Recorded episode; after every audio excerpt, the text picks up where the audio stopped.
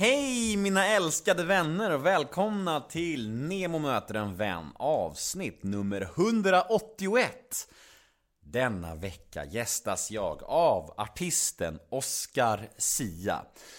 Oscar föddes 1996 i Skåne och eh, ja, en av mina yngsta gäster hittills skulle jag nog gissa. Och eh, Oscar är artist, eh, först och främst artist, eh, men han har synts lite överallt genom åren. Han har varit med i Melodifestivalen flera år, han har varit med i Let's Dance, han har varit med i X-Factor och ja, han syns överallt och han är just nu singelaktuell. Så in och lyssna på Oscars nya grejer på Spotify. Det är grymma grejer helt klart.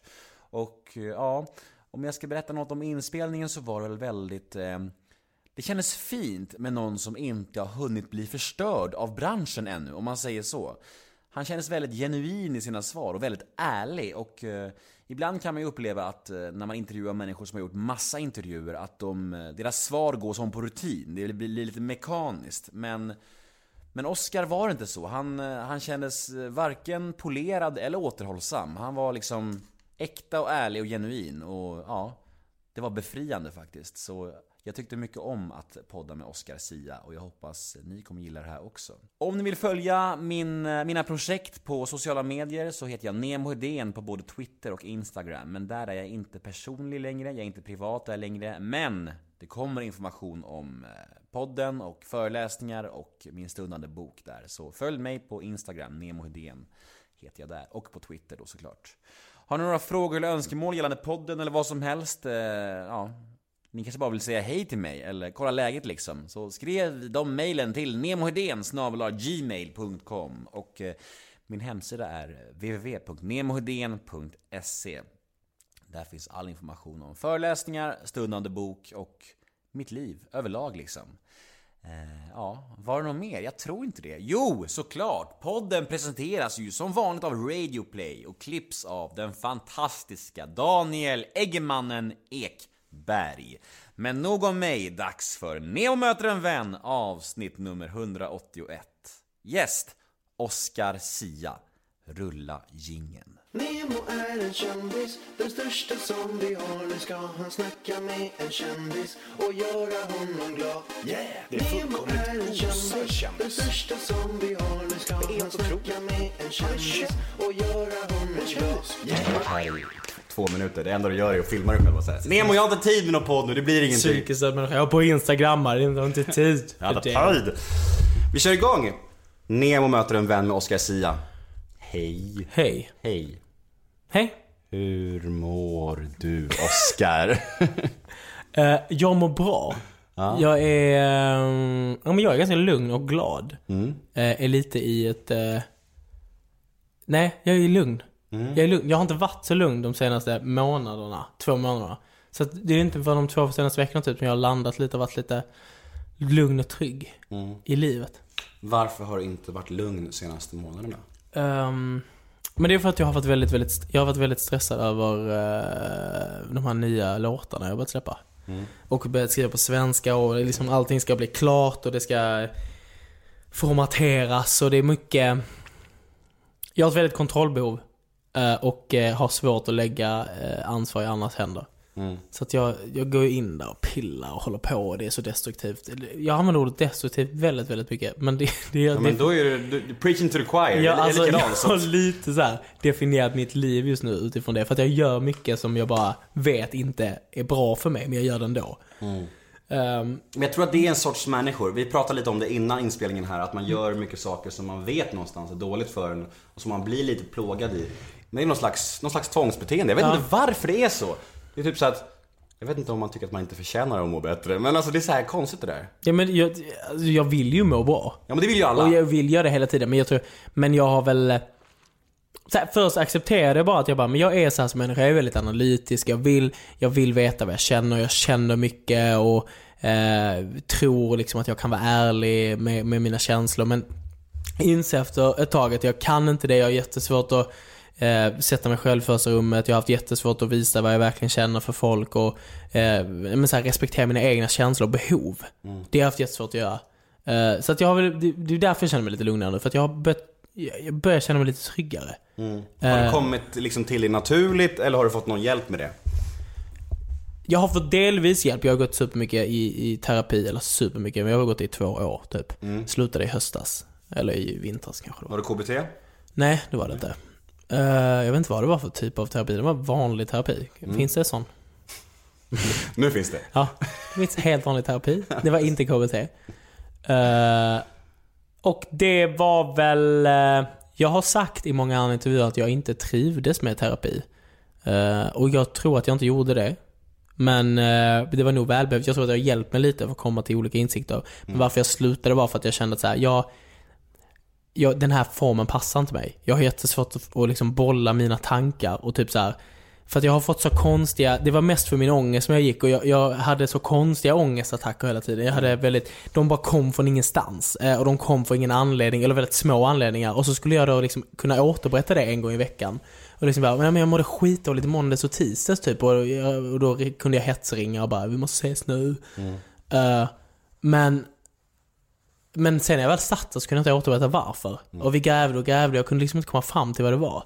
Så till slut kände jag att men jag, det här kanske är någonting jag måste reda ut själv. Så då gjorde jag det. Eh, eller jag slutade i alla fall. Och Men jag- försökte jobba mer aktivt med att lita på mig själv typ. Men jag tror att det är lätt att man gör det här misstaget som du ändå är inne och, och snuddar på. Det här med att man går lite terapi och tänker äh, det var inget för mig. Och så Nej. säger man så här, när man har provat en terapeut. Det är ju liksom ett hav. Det vet ju jag som, som superdysfunktionell människa. Att, att liksom jag har ju gått på olika och nu har jag hittat rätt för första gången i mitt liv. Och det är liksom, det, det är så mycket som händer nu alltså. Det är liksom så här, sådana beslut som jag har tagit i mitt liv som jag aldrig trodde jag skulle ta. Och, som bara liksom gör så mycket med mig. Alltså första gången i mitt liv så kan jag gråta, första gången i mitt liv. Jag har liksom tagit bort mina sociala medier nu liksom. Att Du vet, grejer händer som jag mår bra av, som jag aldrig trodde skulle hända. Bara för att någon människa har fått en inverkan på mig, som har träffat rätt. Jag tror att det handlar om ett, ett, samspel, att man, att man liksom ska hitta sin bara. Men så är det, jag är ju väldigt, jag har ju väldigt lite tålamod också. Så att Ja. jag, jag har ju- ger ju upp. Ehm, Jag ser mig själv i dig kan jag säga. Ja. Mycket. Alltså, och nu låter jag skitgammal, men jag är nästan 10 år äldre. Och, och jag har inget tålamod heller. Men det Nej. kommer ju för fan. Jag hoppas det. Jag hoppas det. Och jag, jag kanske kommer att gå tillbaka till eh, terapin. Eh, och prova en annan. Eh, vi får byta. Du får prova min. Ja. Jag kan ge dig ett nummer så kan du få ta en träff med honom. Han är briljant skulle jag säga. Eh, Oscar Sia, alltså Sia namnet det är väl italienskt antar jag? Det stämmer. Eh, hur, alltså om man tar det i motsvarighet till Sverige, skulle du, om du skulle säga ett svenskt motsvarigt efternamn i, i liksom hur vanligt det är? Jaha. Nej men det är superovanligt. Det är, det är bara min släkt som heter det. Är sant? Det var det din fråga med var. Så det är superovanligt? Ja. Aha. Det är bara vår släkt som heter Sia. Sen så är det mycket, det, ehm, vi har gjort lite forskning på det och det kommer väl någonstans från, det finns en ö i Grekland som heter Sia om inte jag minns fel. Den heter någonting Sia liknande. Det här kan man googla, eller jag borde ringa min bror eh, innan jag säger någonting. Men det finns något liknande, så att vi har kommit från Grekland på någon vänster upp till Italien. Innan dess har vi kommit på någon vänster från ehm, vet inte riktigt vad, men det är mycket, det är mycket araber som heter Sia. Mm. Eh, och nu kan inte jag komma på ett specifikt land och jag vill inte heller säga. Nej men Arabien. Du, du säger ingenting så du har ingenting sagt. Exakt. Safea lite där. ja, men, eh, nej men så att vi, i Italien är vi ensamma med det. Arabland. Ja. Generaliseringarnas moder. Jag sa inte arabland, utan du sa du det. Jag, Sia kommer från alla arabland. det är skitbra. Let's just leave it there. tack så mycket för att du kom. Ja, Precis, podden är slut nu. Eh, Men vad har du för relation till Italien i, alltså idag? Är du ofta där eller hur? Nu har, jag inte, nu har jag inte varit där på länge. eh, men jag har väldigt nära relation. Jag har ju varit där hela mitt liv sedan jag var liten. Fyra Mm. gånger om året, min släkt är där. Eh, vi har pratat italienska hela mitt liv. Så att jag, har, jag älskar Italien. Jag känner mig, jag har en större, mitt, mitt hjärta är mer i Italien. Mm. Och vill, jag ser mig själv i Italien. Och vill bo där. Och du kan flytande italienska? Trögflytande brukar jag säga. Trögflytande? Mm. Jag skryter väldigt gärna om min italienska när jag är i Sverige och när vi ska gå på italiensk restaurang så Och säkert på fyllan också jämt, eller hur? absolut. Visste du det? Och när jag är på italiensk restaurang så går, min kompis sa det här om dagen att eh, jag orkar inte gå på italiensk restaurang med dig för du vill bara skryta. Ja. Då sa jag okej, då går vi inte dit. Men jag vill ju väldigt gärna gå in och säga buongiorno. Mm. Eh, och eh, köra hela racet. Sen är det jättepinsamt när det visar sig att det inte alls är en italienare som har den här restaurangen. De pratar klingande svenska. Då är det du som får stå med dumstruten på. det är verkligen jag då. Men, eh, vad fan vad... Kan du säga till mig, allt kommer att bli bra, Nemo? På italienska. Gud. Nej, det kan jag inte. Nej, men vad fan, vad här. deppigt. Det här var en jätte... Men det är inte ödet Nebo. Det här betyder att det inte kommer bli bättre. Fan vad mörkt! Ja. Det här betyder att ingenting kommer att bli bra. För att jag inte kan säga det på italienska. Jag Men... hoppas, jag hade hoppats att du kunde lugna min vilsna, oroliga själ just nu. jag ska tänka på det här. Jag kommer googla det under intervjun och sen kommer jag säga det i slutet. Vi återkopplar till den frågan i slutet då, så får vi se om du kan lugna min själ Det då. vi. Har ju en gemensam vän. Helene Wigren. Ja men det har vi. Ja. Det har vi. Men alltså ni verkar svin... Vi ska förklara för våra lyssnare vem det är. Det är ju en eh, agent. Mm. Eh, en av de främsta i Stockholm. En av de mest, vad ska man säga, vad säger man, mest anlitade kan man säga. Ja, det är, är hon. Det är hon. Ja, men hon har ju typ jättemånga i sitt stall. Säger man stall? Ja, det ser man. Det kan man säga. Mm. Eh, jag har ju haft mycket kontakt med henne eh, angående poddgäster och så här. Och jag blir, jag blir, det känns som att ni typ är Alltså att ni inte är klient och eh, manager, att ni typ är så här polare. Nästan som mor och Ja. dotter. Alltså mor, Mor och dotter. Det är jag som är dottern. Det där var, det där var hämnden, för att du inte kunde säga Men det kan vara. allt ordnar sig. Nej. Mor och son menar jag såklart. Men så här, men det, det har vi absolut. Det Mm. är, jag och Helene, hon började, nu ska vi se, hur blev det då? Jag gjorde X-Factor 2012. Eh, och sen så jobbade Helene på ett skivbolag, eller hon var konsult på ett skivbolag som heter EMI. Där jag blev signad efter X-Factor. Eh, och då, då blev jag bara signad för jag skulle hoppa in i Melodifestivalen. Eh, I ett bidrag med Beran Miri 2013. Eh, och då, men då signade hon mig där till hennes stall. Eh, men och då var jag 15 sen och hon liksom hängt med mig tills nu. Så hon, och vi har ju haft kontakt varje dag eh, i, i sex år. Eh, och hon har varit min närmsta kontakt och är min närmsta kontakt alltid. Så att hon är en fantastisk person. Så där, där, där har du din terapeut ju. Där har jag min terapeut. Eh, absolut. Ja, hon är fantastisk. Jag vet inte varför jag ville säga det. Jag brukar bara, jag tycker om att nämna när det finns någon gemensam nämnare Ja. mina gäster. Att koppla ihop det liksom. Så här. Ja men det är också, alltså det är det, det är ju så intressant. Man pratar ju ofta skivbolag och grejer. Eh, Så, men hon är ju min agent. Det är hon som är bollplank nummer uno. Jo men hon känns så jävla genuin. Du vet när vi har, när vi har hängt, hon har tagit med mig när jag mådde dåligt förra en gång så tog hon med mig på någon premiär och bara häng med här, vi ska åka och se Ja. Martin Stenmarks smygpremiär nu du Just det. Ja, skitmysig liksom. Hon har ingen anledning att göra det, men hon gör bara det för att hon är så mysig och genuin liksom. Hon är en väldigt mysig människa och fantastiskt duktig på sitt jobb. Så vi, vi skick- skickar lite kärlek till Kärlek till Helen. Helene Wigren. Eh, hur länge har du bott i Stockholm? Jag har bott här i tre år. Jag flyttade, upp efter studenten. 2015. Trivdes du direkt? Nej, det skulle jag inte säga. Jag bodde liksom lite... Jag hade inget hem sådär. För, först bodde jag... Först bodde jag inneboende eh, hos uh, Måns. Nu snackar vi. Name-droppingens morsa! Vi var polare. Så jag bodde inneboende hos en polare. Vi var polare. Han är död nu nämligen. Vi, vi är polare. Eh, då bodde jag... Men det är också här, han bodde väl här i krokarna då också? Ja, någon, Kungsholmen, någonstans. då? Ja. Någonstans, du vet exakt var han bodde. Jag vet, men jag Han blev osäker. Nej det gör han inte. Han, bor bor från London. Ja, han bor i London. Du kan ju säga var han bodde ju. Kungsholmen bodde han på. Och visst var det en riktig kändisgata? Det var väl, samma gata bodde väl Plura och Erik Saade på, var det inte så? Jo, Erik bodde lite på gatan ner ja. Gud vad konstigt. Men jag umgicks inte, jag vet inte. Jag var så här. jag- han såg till att jag hade lite tak över huvudet. Så han var väldigt, väldigt snäll. Eh, och det, det mynnade ut i, för han var ute på turné, jag bodde där, hade lite fria händer så att säga. Det kan vara typ en glasservis gick sönder och att grannen mejlade honom och sa nu får din inneboende vara tyst. Eh, men, eh, men annars så gick det bra. Sen flyttade jag ut därifrån och sen så flyttade jag till Söder. Eh, Men jag har ju alltid haft en... eh, Jag har ju alltid liksom utgått från Malmö. För att jag har jobbat med, jag jobbade med relationsradion i Malmö. Eh, Och då pendlade jag, så jag jobbade mest i Malmö. Och så pendlade jag uppåt.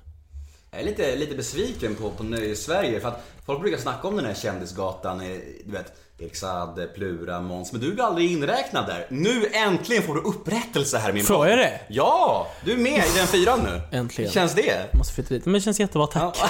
tack, verkligen. Podden har fyllt sitt syfte. Mm. Fint. Men vad skulle du säga är den största skillnaden mellan eh, Stockholm och Skåneland?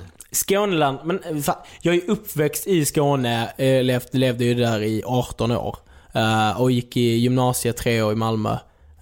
Det, alltså, jag började jobba när jag var 15 precis när jag skulle börja gymnasiet. Så under den tiden, du vet när man, när man festade, körde gymnasielivet fullt ut så gjorde jag lite det på halvtid. För jag jobbade i Stockholm mest. Eh, och var i studion och gjorde radio och lite olika saker. Eh, och lite melodifestival klämde in och sånt. Så jävla, Nu kommer det namedropping Ja. igen. En mello där. Vi bara skryter om att jag varit en hårt arbetande människa. Eh, nej men och sen så... ehm, nej men fan Malmö, det är en väldigt, väldigt trevlig stad. Jag älskade gymnasietiden i Malmö. Sista året i trean så var jag bara i Malmö. Eh, och det var, det var helt fantastiskt. Jag, kan, jag pratade med det med en gammal gymnasiekompis häromdagen om att det var, en, det var ett helt otroligt år. Jag kan sakna det lite grann. Nu var inte det jättelänge sedan. Det ska jag ju erkänna. Det var förra året. Det var ju för förra året. För, för, förra året. Men... Du är eh, så ung. Ja. Jag är avundsjuk. Du har hela livet framför dig. Nej men det är, oh, fy, det är sån ångest hela livet framför mig. Vadå, Eh. tänk om det är tvärtom då? Hela livet bakom dig. Hur mycket ångest tror du det är? Nej jag vet, alltså nej men det är... Är allt bara ångest? Allt är Nej, bara ångest. nej det är verkligen. Jag är en väldigt glad person. Jag har, nej men jag har ångest, det är inget konstigt men... Men jag bara... eh, Jag har svårt att se vad jag ska göra i alla år. Där är jag lite. Jag är 21, jag har gjort väldigt mycket som jag har velat göra. Jag har liksom nått många drömmar. Nu har jag gått in i en ny period och en ny fas där jag liksom har velat fokusera på musikskrivandet och liksom verkligen få leva ut det artisteriet jag alltid har velat. Eh, i liksom, och bestämma min egen väg. Eh, och det är väl en process i sig, det är ett helt nytt kapitel. eh, Det jag gör nu. Men det är fortfarande så här, ja jag är 21 och liksom, så tänker jag när jag är 25, 20, 30, det är om 10 år. Det är, det är många år tycker jag. jag. Jag tycker det känns långt. Jag har, men, men, och jag älskar väl det här livet men det är ett väldigt konstigt liv att leva. Men det är väl kanske också för att jag inte har så mycket mer perspektiv. Eh, möjligtvis. För att jag har ju bara levt det här livet. Eh, i, den, I den här stan, på det här sättet, i det jobbet jag jobbar med. Eh, och det tror jag har väl kanske varit, det är väl lite knepigt att ta sig ur det och se det utifrån och bara, men vad, vad skulle jag, vad skulle jag kunna göra? Så jag ser väldigt mycket fram emot att släppa den musiken jag vill och, och nu med den här svenska plattan släppa den och bara åka ut och turnera och sen kanske så här få möjligheten att så här, jag vet inte, flytta ut någon annanstans, flytta till ett annat land Hem till Måns kanske? hem till Måns igen. Knacka på i London. Han behöver en barnvakt. Ursäkta, kan jag bo hos dig? Jag kan vara nanny. Cirkeln slut. Ja. Fint ändå. Och du allt. Sen är det slut.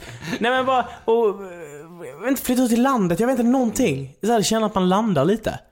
Eh, Men det är väl långt kvar. Och jag vet att jag låter jävligt töntig när jag säger det för jag är 21 och alla tänker att men du har ju hela livet framför dig. Jag tycker att det är fint ändå för det, det, det är liksom inringar på livet som att För livet är ju så, man har ju så många liv i ett liksom. Mm. Det är det som är häftigt. Och personligen så tycker jag att åren mellan 20 och 30 är nästan knepigast. För då, då söker man efter sin väg så jävla mycket liksom. Exakt. Det sa min mamma till mig också när jag var liten så här, bara, så hon bara, stå ut med åren mellan 20 och 30 för det är efter 30 som man landar i vad, i vad man vill göra liksom. Och det känner jag, att jag fort, första gången i mitt liv vet vad jag vill göra, liksom så här, känner mig trygg och så här. Och det har jag aldrig känt tidigare. Så att, jag säger bara Oskar, stå ut tills du är 30. Tack, jag ska verkligen försöka. Och hur, och hur vi än pratar i den här intervjun så låter det som att jag är 65 och, Ja, du, jag och du är vet. 12. Men jag liksom. hamnar ofta i dem. Antingen så hamnar jag i att jag låter asgammal eller är det att jag jag blir jättesuperung. Ja. Men vad har du för relation till intervjuer i allmänhet och poddar i synnerhet? Mm, poddar... Eh, fan, ja, jag vet inte riktigt. Alltså då intervjuer i allmänhet. Vad tycker du om att bli intervjuad? Nej men det har blivit en, det är en del av jobbet typ. Eh, och jag tycker att det är ganska roligt. Sen har jag fått intervjua många. eh, genom p- mitt jobb på P3. Och det är också kul. Eh, men att bli intervjuad, ja det kan vara roligt om det är i rätt former. Alltså så här, det här tycker jag är väldigt kul för att det, så här, det känns som att du är förberedd, jag har någonting jag vill säga och man har ett fint samtal. Men i vissa sammanhang om man hamnar med en journalist som man verkar säga, ah fan du har typ inte ens lyssnat på min, på låten jag ska släppa. Uh, och du frågar typ inga frågor alls som är intressanta eller mer än vad som står på Wikipedia. Då, då tycker jag det är skittråkigt. För då, då blir det ingen utmaning för mig heller. Då, kan, då känner inte jag att jag kan utveckla jag kan inte utveckla något större resonemang eller grotta mig in i vad jag verkligen har gjort eller vad jag vill berätta. Så då blir man lite låst i det. Tycker du att det är svårt att- att sätta gränser för vad du vill dela med dig av? Alltså jag kan tänka mig att man ändå som offentlig människa vill vara lite bjussig ibland så här, för att man vill vara ett ganska kul intervjuobjekt. Men Ja. man vill ändå liksom behålla integriteten och privatlivet. Tycker du att den balansgången är svår? Ja, jag tror att jag gick ut ganska starkt när jag var 15 och inte hade någon integritet överhuvudtaget. Utan jag tyckte typ att det var ett kul spel och när jag gjorde Let's Dance så var det, jag såg det som en sport till slut. När man hade presskonferens och man bara hade uh, intervjuer med kanske tio olika tidningar och var såhär bara nu ska jag ge varje tidning en ny historia och så ser vi vad de skriver på fredag. Och det blir liksom så här. Det, det, då förstör man ju allt privatliv som finns. Då, då bara liksom matar man det här hålet i sig Ja. och man blir helt själlös. Ja men ja, typ, det kändes så. Men, nu, det svåra nu tycker jag är att eh, musiken som jag släpper blir, är så jävla personlig och så privat på något sätt. Eh, eller på något sätt den är det. Eh, och då blir det svårt att berätta om det utan att vara privat. Eh, men jag är väldigt bjussig och jag eller jag vill vara bjussig och jag vill dela med mig av tankar och, och händelser. Men jag tror så här, de absolut privataste delarna i mitt liv, eh, eller det som är för färskt typ, eller det som händer just nu. Det tror jag att jag eh, väljer typ att inte prata om. Eh, för att då kan jag inte, jag kan inte prata om det som händer nu. Utan jag pratar hellre om det som liksom har hänt. Typ. Eller om jag har skrivit en låt så har jag kanske skrivit den fyra månader innan och då kanske det är en historia som var då och då kan jag prata om den. För jag har processat den. Ja, det är, det är fan intressant det där. För, det är, för mig personligen så är det ett ständigt krig. För man vill ju så gärna vara den här bjussiga människan Ja. som, som bjuder på något nytt och bara liksom så här fläker ut sig och är helt, helt gränslös på något sätt. För det är så här, då är det ju kul samtidigt. Det blir ju Absolut. kul. Ja, det blir ju jättekul. kul. Men känslan efteråt blir- för mig blir bara så här. Åh, åh, lite så här själväckel och jag känner Absolut. liksom att jag inte har någonting kvar i mig. Nej. Det blir så här, alltså den här gränsen mellan privata och liksom offentliga, den, den suddas ju ut. Absolut. Man blir helt tom liksom. Ja. Och jag tror att det är viktigt för alla människor att ha en spärr där, en sköld. Sen vart den skölden går, det är, det är ju individuellt. Men någon slags sköld måste man ha, för annars går man nog sönder tror jag helt. Ja, det tror jag också. Och, jag, och jag har jobbat på det där som fan. Alltså, eh, äntligen börjar jag fatta det. För det, är liksom, det, är- det handlar ju om en själv. Man måste ju må bra, trots allt. Men nu spolar vi tillbaka bandet. Oj, oj, oj. Back to the roots. Back to Skåneland. Back Vad ska to... du där och göra? Nej men så här är det. Mm. Eh, Mina intervjuer är ju ganska heltäckande. Ja. Allomfamnande. Ja. Börjar med lite kallprat som vi gjorde nu. Lite skönt surr, du vet. Sen kör vi lite uppväxt. Ja. Sen, sen så kör vi liksom hela livet. Men Ja, grejen är, jag, jag brukar tycka det är svårt att intervjua unga människor för att de inte har haft så långt liv. Ja, så är det. Eh, Men så det här är en utmaning för mig.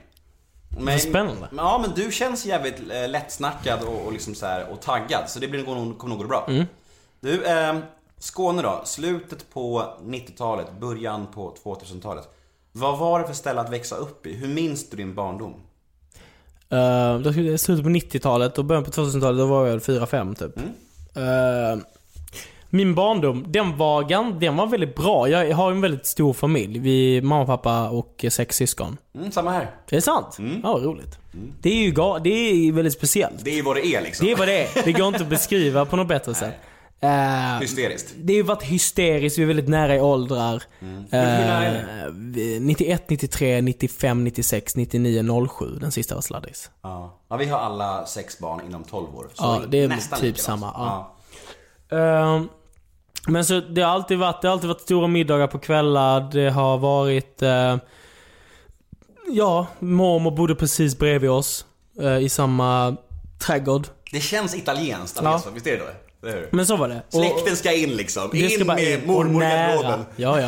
Hon får gärna bo hemma. Eh, men vi gick, alla vi barn gick på dag, vad heter det, dagmamma? Daghem. Jag tror man kan säga... Istället för dagis då så var vår mormor vår dagmamma. Ja, dagmamma. Ja. Ja, man tror jag. Så hon, eh, där gick hon, eller där vi gick hos henne så man fick ju bara äta frukost på morgonen, tralla över trädgården, alltså 30 meter och så var man inne på dagis. eh, Eller daghemmet. Eh, Och det var ju väldigt, väldigt tryggt och lyxigt. eh, För det var ju ens mormor. Och det var ju inte många fler barn som fick plats hemma hos henne. Utan det var ju vi fem och så var det kanske, ja, några stycken till. Ehm, Hon behövde liksom inga mer barn. Det, var Nej. här, det räcker med familjen Nej. Sia. Ja. Sen går jag runt. Jag, jag är all set Jag klarar mig. Skitroligt ju. Eh, men och sen så... Um, nej men det, vi, vi gick i skolan väldigt nära och det var ganska tryggt. Ehm, jag har alltid sjungit och hållit på och mina föräldrar har varit väldigt stöttande. De jobbar väldigt, de fick barn tidigt under tiden de pluggade. Uh, de pluggade ganska mycket. Eh, Vadå, de pluggade under din uppväxt? nej, eller? inte under min uppväxt, men min syrras och min brors. Vad gjorde dina föräldrar? Vad jobbar de med när de jobbar? Eh, nu jobbar de, nu är de färdigutbildade då sedan många år tillbaka. Min pappa är ingenjör, min mamma är neurolog. Mm, neurolog. Neurolog. Mm, vad är det för någonting? Brain. Förklara för de som inte vet. Eh, Hon är hjärnläkare, heter det. Hon är specialiserad inom hjärna. Så snackar vi. Ja men det är, det är väldigt coolt. Det, det, det är det, är coolt. Min pappa har också ett väldigt coolt jobb. Inte riktigt Gott förstått det ställt skulle jag säga att ni har det hemma. Det låter som väldigt välbetalda jobb. Är inte det? Vi har haft det bra. Här, Men verkligen inte, vi har ju varit väldigt många och, och jag tror att så här, jag tror det var mycket utgifter eh, när vi var små. Ehm, så att de, men de jobbade mycket, och, och, men var liksom alltid hemma vid fem, sex. Eh, och då käkade vi middag och sen gjorde man sina läxor och sen gick man och la sig och så var det samma sak igen. Eh, och ja, det var liksom inte, det var inte mer än... var, jag tror inte den har varit helt onormal. Eh, och skolgången var väl, jag har alltid tyckt skolan var väldigt rolig. Eh, och har pluggat bra tror jag. Eh, matte kanske inte var mitt starkaste ämne just. Men det, det kämpade min pappa med mig. Vi bråkade väldigt mycket om detta. Under den tiden. Eh, men för att han är väldigt duktig på matte, obviously. Eh, och har nog, han är extremt pedagogisk, jag har fått stått det nu. Nu, har jag, upp, nu uppskattar jag hans pedagogiska sida. Eh, och väldigt metodiska sida. Men då tyckte han var skitstörig när han skulle liksom när han liksom aldrig gav upp. Utan jag skulle lära mig det här och jag tyckte att inte jag förstod. Och sen var jag skitglad när det väl gick. Eh, för då hade det då visade det sig att utan hans hjälp så hade jag inte klarat det. Ehm, så det är väl tacksam, man blir tacksam ju äldre man blir, tror jag. Ja, men det är nog så. Ehm, men och sen, jag sjöng, jag dansade på fritiden, jag sjöng i skolan, jag sjöng alltid på alla skolavslutningar och så. Och det var väl, det var väl lite kämpigt för, eh, för mig tror jag. Jo, för mig var det ju kämpigt då. Bara för... Var det hela din identitet i skolan skulle du säga? Mm. Musiken? Eller vem var du i plugget liksom? Jag, var, jag hängde med tjejerna endast. Jag, killarna höll på med sport. Det var väldigt, alltså som... Väldigt såhär norm... Inte alls normbrytande på något sätt. Utan det var killarna spelade fotboll i, i en inhägnad liten låda på rasten. Och jag och gick runt med tjejerna typ och lekte man har var barn. Nu snackar vi lågstadiet och mellanstadiet. Eh, Men jag drog mig till tjejerna det ganska direkt. Ehm, Och killarna Ja, alltså jag vet inte riktigt när det började att jag kände att så här, ah, fan, jag, att sjunga är väl kanske inte det mest populära liksom, som kille. Eh, men det var väl, tror jag, kanske i mellanstadiet, uh, fyran, femman. Så man börjar bli, då börjar man bli lite taskig mot varandra. Eh, och jag sjöng, jag kommer ihåg första, för jag sjöng första gången på skolavslutningen, jag gick i ettan typ. Eh, och då, eh, då var jag sju. Är man det? Ja det är man. Eh, och då, det blev jättefint och då kom jag, då liksom, det, det var då jag verkligen insåg att så här, men det är på scenen jag vill stå. Eh, men då fick jag väldigt mycket uppmärksamhet av föräldrar och olika barn. Och, eh, och eh, sen fortsatte jag sjunga på alla skolavslutningar och det var väl, jag tror att jag var ganska omtyckt av lärarna. Det känns som en sån typ. ja men det var jag. Ja. Det var jag. Väldigt uppfostrad, trevlig, charmig. Ja men det var jag nog. Ja. Det, det, ja, jag var det nog... Jag var, I högstadiet kommer jag ihåg att jag var jävligt... Då var vi, det var jag och så var det två, tre tjejer. Eh, vi hängde alltid, vi gick samma klass då. Och vi var så jävla, vi var väldigt, väldigt snackiga. Och väldigt skojiga, slutade aldrig skratta. Och det tror jag, då blev vi lite störiga människor. Eh, men vi gjorde alltid vad vi skulle. Det var liksom inga konstigt. Jag har aldrig blivit utskickad i hela mitt liv för några lektioner och sånt. Bra. och var lite såhär elevråds eh, snubbe. Betyg och så här, hur var det med det? Alltså, var, du, du, var du duktig i skolan? Ja, de var väldigt bra på högstadiet. Eh, då vågade jag skryta med mina betyg.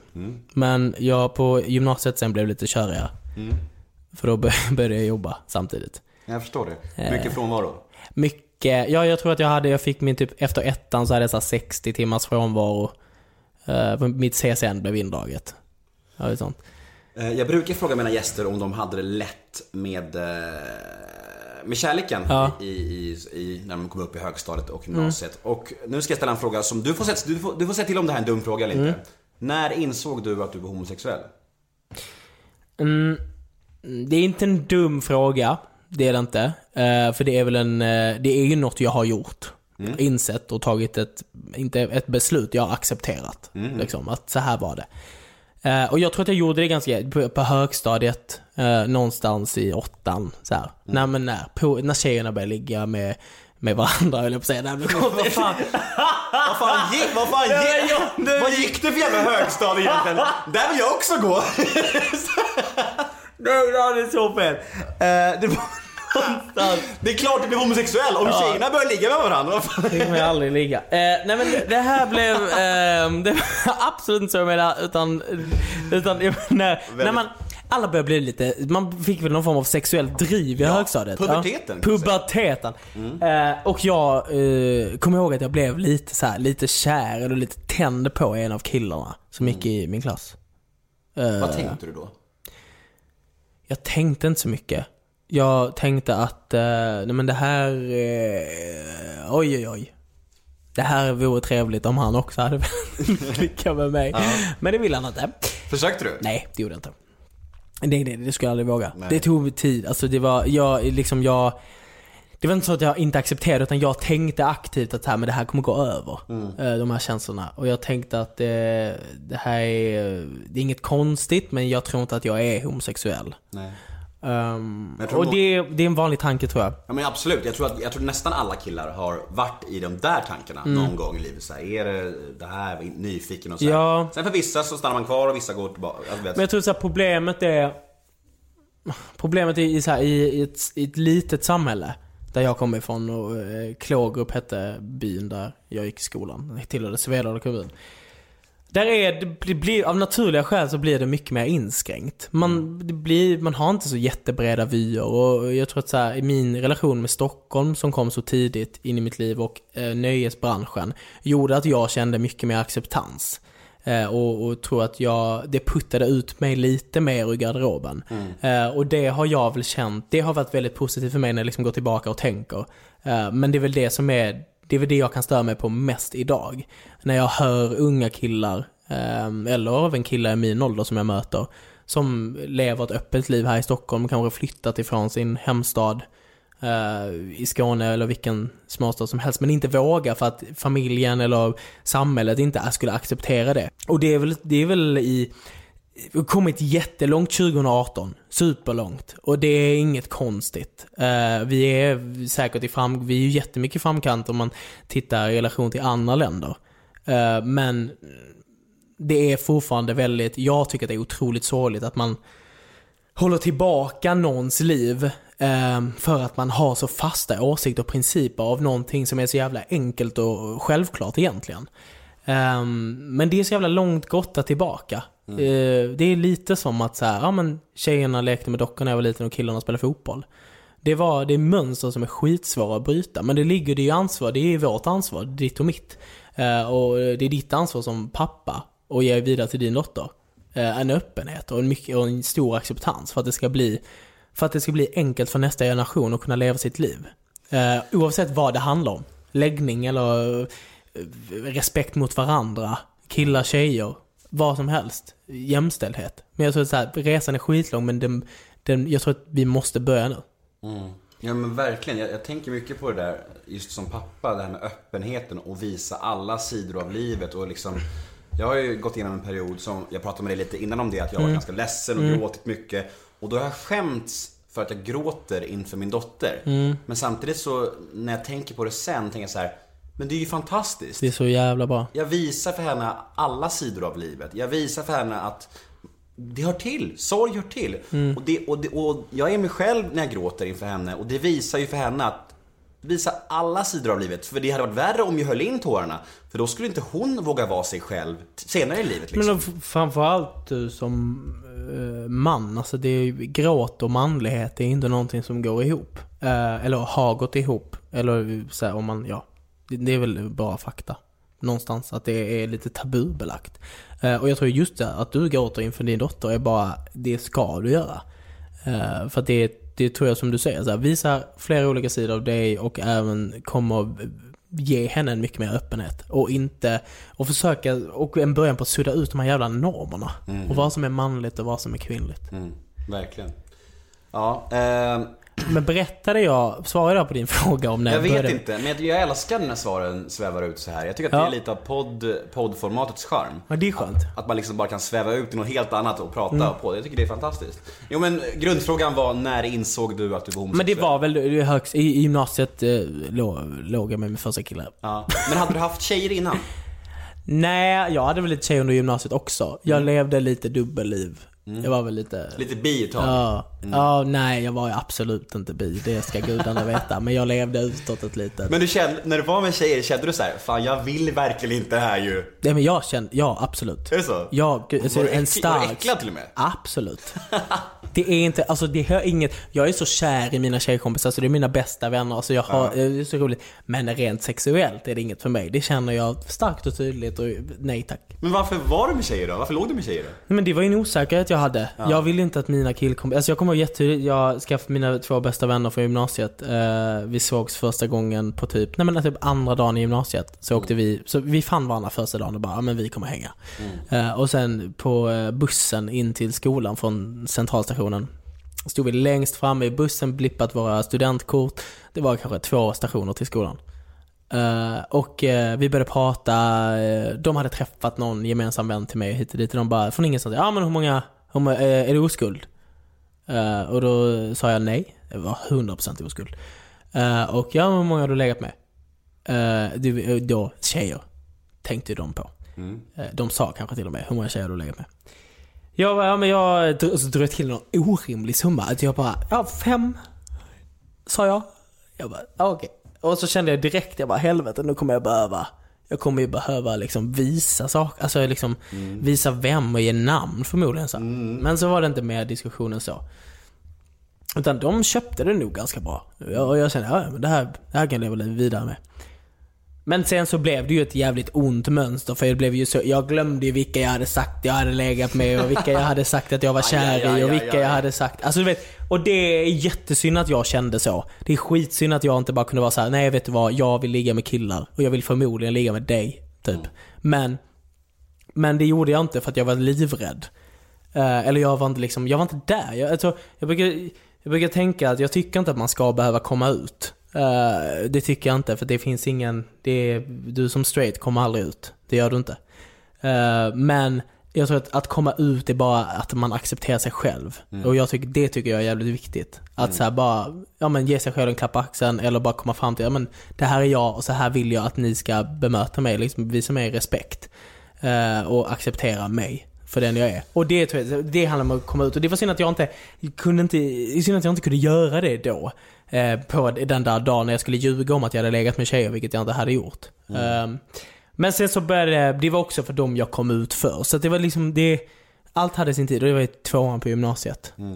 Ja men det är ju verkligen så, här, så i ett perfekt samhälle så ska man inte behöva komma ut, så är det ju. Men, men Det finns inga perfekta samhällen. Nej men tiden, det ser ju ut som det ser ut liksom och, Mm. och, och säga vad man vill om det men än så länge är heterosexuellt eh, norm, eller vad man ska Ja. säga, i citationstecken. Och då kommer det alltid vara så att, att folk får, kommer ut och folk får klapp på axeln när de kommer ut. Vad du är modig Oscar! Och det är också ett fel, att, de, att den responsen kommer. Den är naturlig och den är fin och de Mm. tänker väl när de ger den responsen, men det är också fel egentligen. Och så länge det, men så länge det är ett problem och så länge man ska behöva komma ut, då, eh, då är det modigt att komma ut. Ja.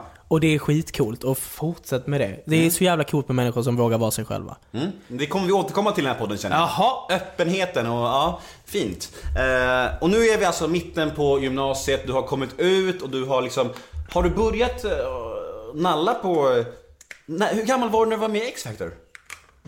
Det var i ettan på gymnasiet, Ja, så så fem, året 15, innan där. 15. Ja, jag såg det på TV då. Är det sant? Ja, det gjorde jag. Har du, nu minns jag en tweet. Nej.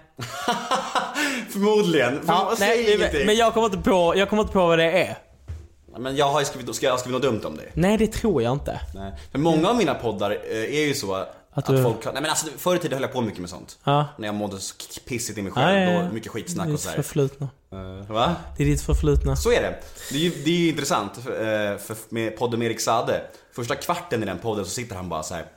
Ja, du har sagt det här om mig, du sa att jag fejkar panikångest, att jag har varit otrogen, att jag sjunger nasalt. Och jag bara sitter där och skäms som en hund. Och det är helt äkta. Jag bara skäms hela en kvart. Och jag bara, förlåt, Förlåt, det är så stort av dig att du är här. Ja. Han bara, nu stryker vi ett streck över det här, nu kör vi igång intervjun. Det var snällt av honom. Men jättefint. Men det är mycket så, i, i, i det för, förra var jag, var jag ganska sån.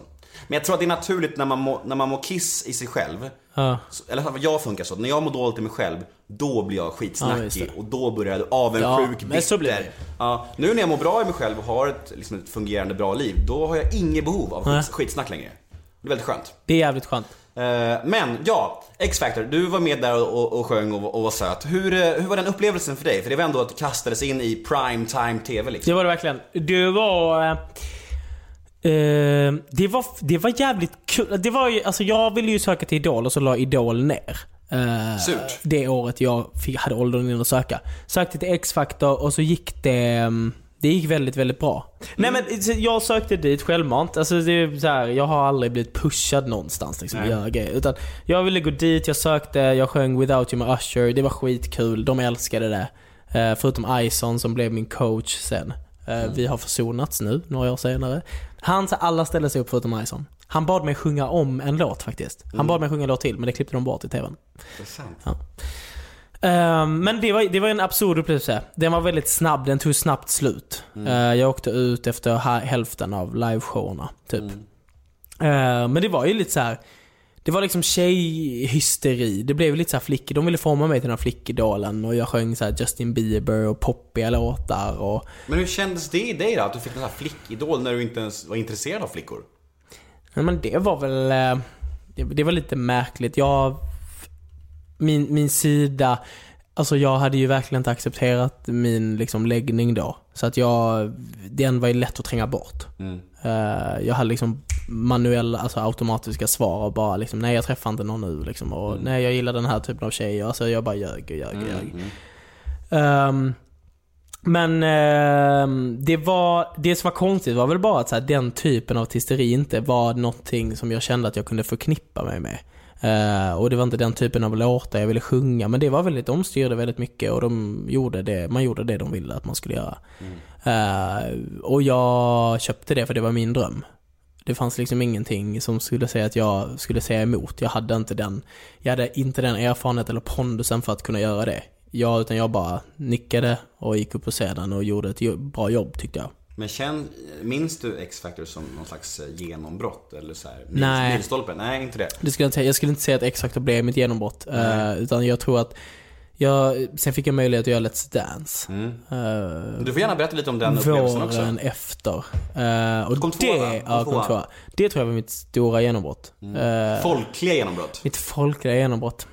Du gick in i rutan som man säger. Ja, det var fint. Ja, det Ja, men det var, Let's Dance är ju världens mest speciella upplevelse, men väldigt kul. Mm. Eh, jag, hade, jag bodde här i Stockholm då i tre månader utan någon skola, på ett hotell. Mm. Jag tränade 8 till 5 med min dans, danspartner Maria. Som drillade mig hårt. Eh, och jag, med, med rätta för att jag hade ju ingenting annat att göra. Eh, och jag hade typ inga kompisar uh, överhuvudtaget. Måns? Uh, Måns kände jag inte då. Nej, nej, nej. Nej. Okej. Mm.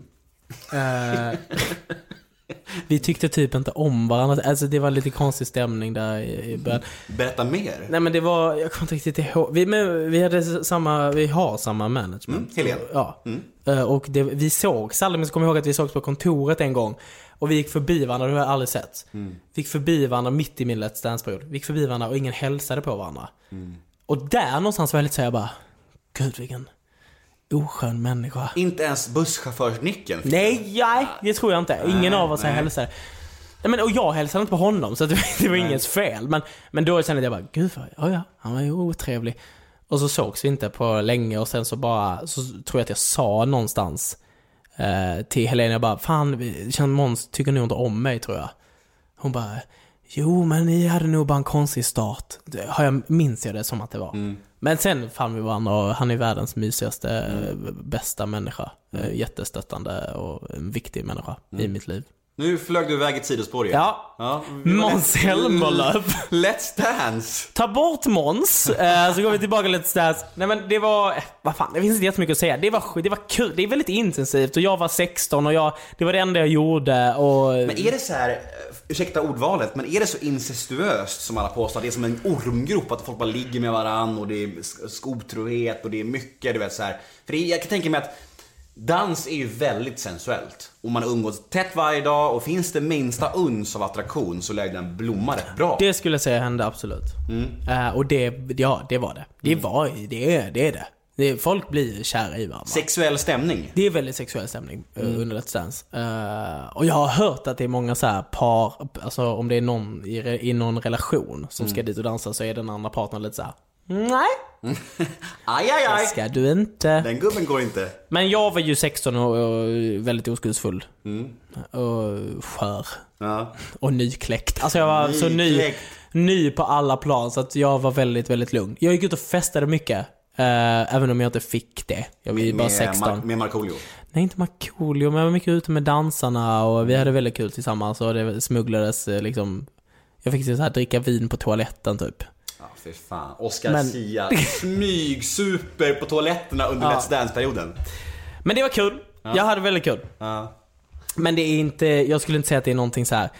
Let's Dance påverkade nog inte mig på något sätt. Jag väckte inte så att jag skulle säga att jag växte som människa eller Nej. liksom kände att jag blev förändrad eller hittade någon riktning i livet. Nej. Utan det var ett kul projekt. Bistro. Stilrent vitt. Eller varför inte lantligt med gammeldags charm? Electrolux Home har kök i alla stilar och prisklasser. Köp ditt drömkök och få bänkskivan på köpet till ett värde av 15 till 30 000 kronor. Varmt välkommen in till någon av våra butiker eller till electroluxhome.se. Välkommen till Däckteam! Nya däck. Oh. här! Rätt däck! Och där! Snyggt! Ha! Ja! Där satt den! Easy peasy! Välj testvinnande däck från Continental i sommar. För säkerhets skull. Däckteam, vet vilka däck du behöver. Men alltså, du har ju typ medverkat i de största svenska underhållningsprogrammen. Vi pratade om X-Factor, vi pratade nyss om Let's Dance och Mello. Tre gånger? Tre gånger? Två och en halv. Två och en halv gång? Ja precis, två gånger solo och en gång med en, Berang en Video. trio. Ja, exakt. en trio. Eh, vad, vad, eh, vad var skillnaden mellan dessa gånger och, och hur minns du den cirkusen? För det är, ju, det är ju så alla som är med i Mello beskriver Mello. Det är en cirkus, säger alla. Men det är ju det, alltså jag, jag kan inte... Så här, 2014 var jag med i Mello första gången själv och då hade jag ju Let's Dance 2013 och X-Factor 2012. De tre åren kan jag klumpa ihop i ett. Eh, jag, var bara, jag var bara inne i den här bubblan av att allt var nytt. Jag fick skriva, eller jag fick spela in musik, jag skrev inte jättemycket musik då. Eh, och jag blev eh, nog ganska styrd i vilken riktning jag skulle gå och det skulle vara det här, jag gjorde en låt som heter Yes We Can då. eh, 2014 och det skulle vara dansa och pyro och stort och eh, ja, än en gång det här flickedåliga. Ehm, och jag tror att, ehm, Fast Hu- Human var ju bättre. ja, jag kommer till den. Ja, bra. Tålamod Eh, Nemo, Ja, tålamod. tålamod Nemo. Ja. Nej men så de tre åren kan klumpas ihop lite i ett. Mm. Eh, det, är, det var bara en stor, det var en bubbla och jag Mm. bara körde på. Och jag, jag gjorde Diggiloo-turné. Eh, och Där det, snackar vi folkligt. det var folkligt och det var blött. Alltså det var så här, jag, jag reflekterade det över i häromdagen. Att jag kör 21 och saker som jag kanske skulle ha gjort nu har jag redan avverkat. Eh, Både rent så här typ, ja men tonårsmässigt utav festande och rent arbetsmässigt. Alltså jag har gått igenom väldigt många saker i mitt liv som jag kanske skulle ha gjort nu. Istället för att göra det på ett bättre sätt. Eh, Men jag gjorde det då. Eh, Och det var, det var väldigt blött och väldigt jag var trött efter de tre åren. Eh, och 2015 så valde jag då bara, men nu går jag i skolan.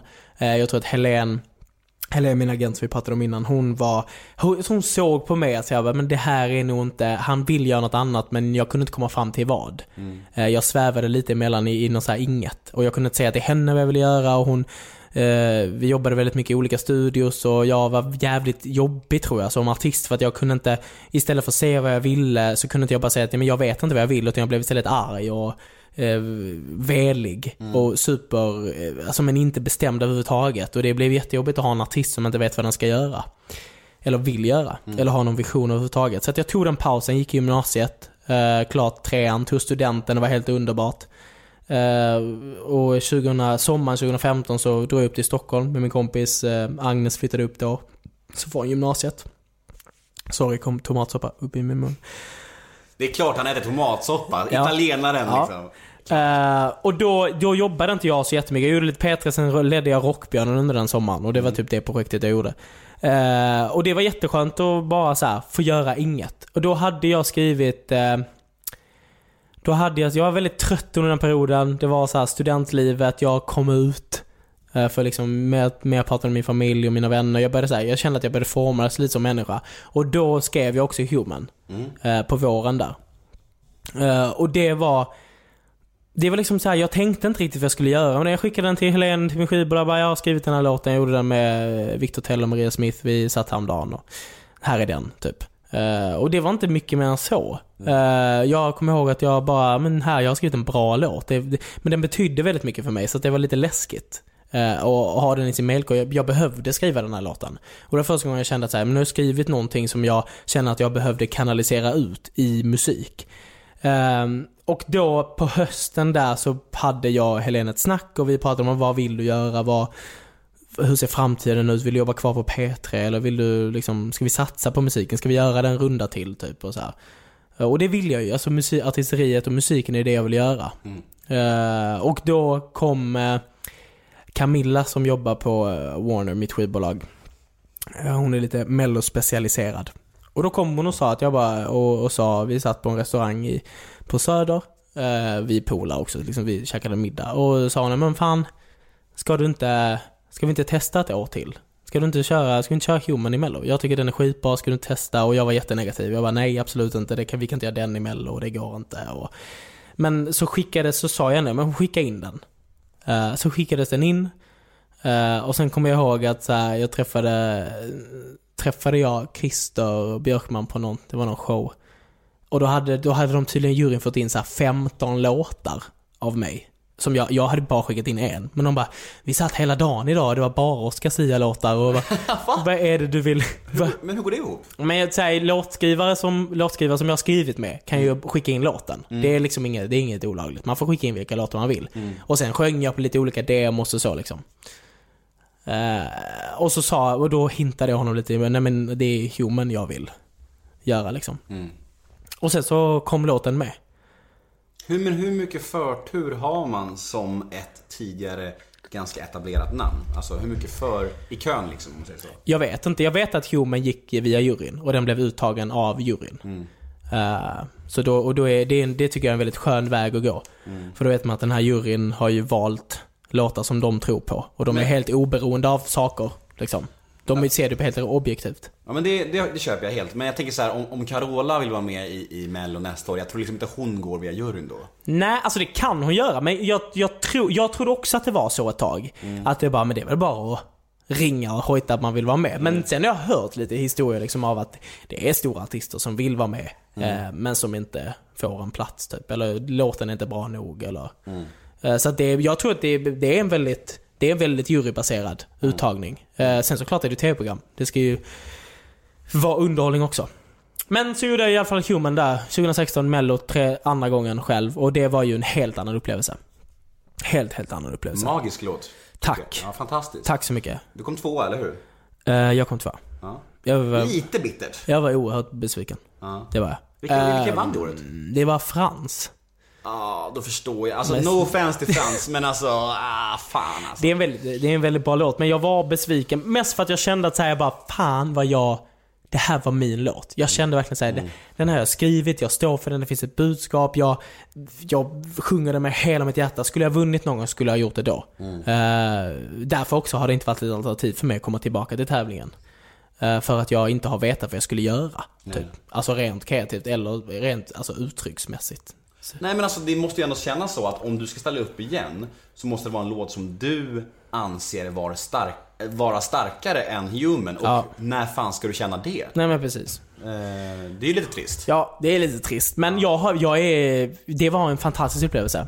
Eh, Även om den var också väldigt turbulent för att jag då valde att komma ut. Eh, Och, och då valde inte jag att komma ut till nära släkt och vänner utan då skulle jag tvunget liksom det här var 100% mina val, men jag ville berätta det här för jag, jag tyckte att det var viktigt. Jag tycker fortfarande att det är viktigt. Och jag är glad att jag gjorde det. För att det var viktigt för mig att kunna Nej men bara stå på scenen och veta att folk vet vad jag sjunger om och vad jag vill med den här låten. Uh, men uh, jag tror att jag inte riktigt, jag var inte redo. Jag kan tänka på det. Alltså jag, jag kom in i en väldigt jobbig period efter det och då hade jag de där, jag kom tillbaka till spiralen jag hade första gången jag gjorde mello, när jag hade den där lilla pausen 2015. Jag, jag kom in i det igen. Att jag liksom, nej men 2017, även 20, nej nu är det 2018. 2017 så var det, var, det har varit ett år för mig. Jag har bara skrivit, jag har haft en vision men jag har varit väldigt lost. För det blev så jävla mycket 2016 med Human och med mello. Det var turné och det var liksom Fan jag var jävligt trött. Eh, och jag fan, gjorde mycket skit och det var Helt plötsligt skulle man Så fick jag jättemycket uppmärksamhet från olika håll och, och killar och och det skulle jag hantera, utan jag var ju vild, jag var bara en vild tonåring som var ute på bete. Eh, men, och det var skittrevligt. Men tänk, men ja fan, jag bara, ja. Jag är 21. Jag vet liksom inte vad jag, vad ska jag göra? Men... eh, Don't you worry, Nej, child. jag, jag kommer hitta eh, sa- saker att göra, det eh, det, är tror över, det är jag. jag övertygad om. Men så det, nej men det var, det var de åren, så nu är vi, det är därför jag är här nu idag. Liksom. Mm. Vad fint. Du, nu ska vi döda stämningen lite. Bra. Mm. Ehm, när vi sprang ihop på din agents eh, kontor för något år sedan Mm. typ. Efter det så började du följa mig på Instagram. Sen avföljde du mig ett halvår senare. Och nu när jag är här Oskar, då ska jag konfrontera dig. Varför avföljde du mig på Instagram? Jag kommer inte, vilket år var det här? Men jag tror att vi träffades... Det måste vara 2017 va? Jag tror vi träffades för ungefär ett och ett halvt år sedan. Jag var där och, och, och träffade Niklas Strömstedt tror jag. Jag kommer inte riktigt ihåg varför jag avföljt dig. Jag tror Nu inte ska att vi jag... vara ärliga Ja men jag vet, men jag, jag funderar på om det var... Fan det var något, först så tror jag att jag gjorde en... Det finns två alternativ. Mm. Ett är att jag gjorde en AU, jag gjorde en utrensning. Jag slutade följa alla jag följde. Och sen började jag följa de som jag liksom ville se och följa. Eh, för att jag känner att jag har så jävla mycket skit i mitt feed. Eh, som jag inte bryr mig om. Sen så tror jag att det var, det var i någon händelse, jag kommer inte ihåg, det var någon du intervjuade. Som lackade till. På mig? Mm. Eh, Kan det var, vara Susanne Reuter-grejen? ja, Mm. som bad dig, du sände aldrig det avsnittet va?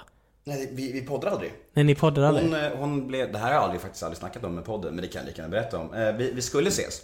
Men hon blev, så himla, hon blev så himla upprörd på att jag hade blivit, glad över att podden fick en löpsedel. Så var det. Eh, Och eh, hon blev jättearg, för hon hatar kvällspressen. Ja. Hon hatar det.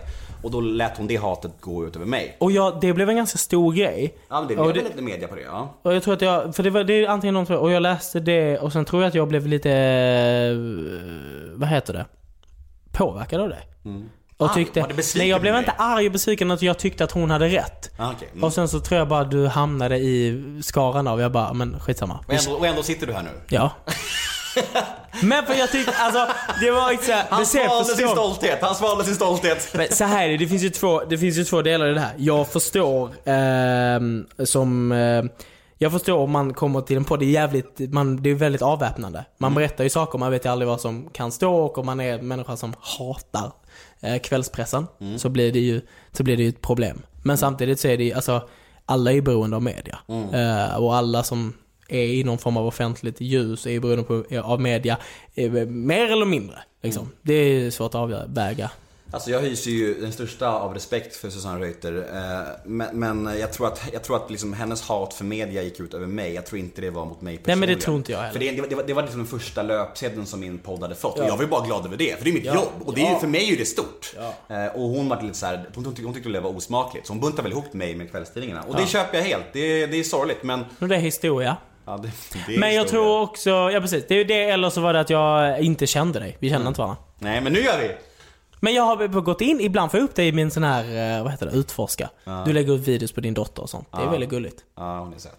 Jag lyssnar ju väldigt mycket på Human som sagt. Jag lyssnar också en del på fail, hashtag fail. Mm. Men- Tyckte den var svängig och nu ser du jätteobekväm ut här. Den var väl svängig? Ja, de svänger. Men ska du gå ut och ta upp mina jättegamla grejer? Men, men, men heltäckande intervju har jag sagt Ja, just det, just det. Jag har glömt, jag har glömt. Nej men eh, den är svängig. Den är svängig. Det är min första, absolut första singel. Ja. Eh, kan du lova nu, du är ju singelaktuell, kan du lova att nu framöver med albumet att det blir samma kvalitet? Eller, eller kommer det skilja sig mycket från det gamla?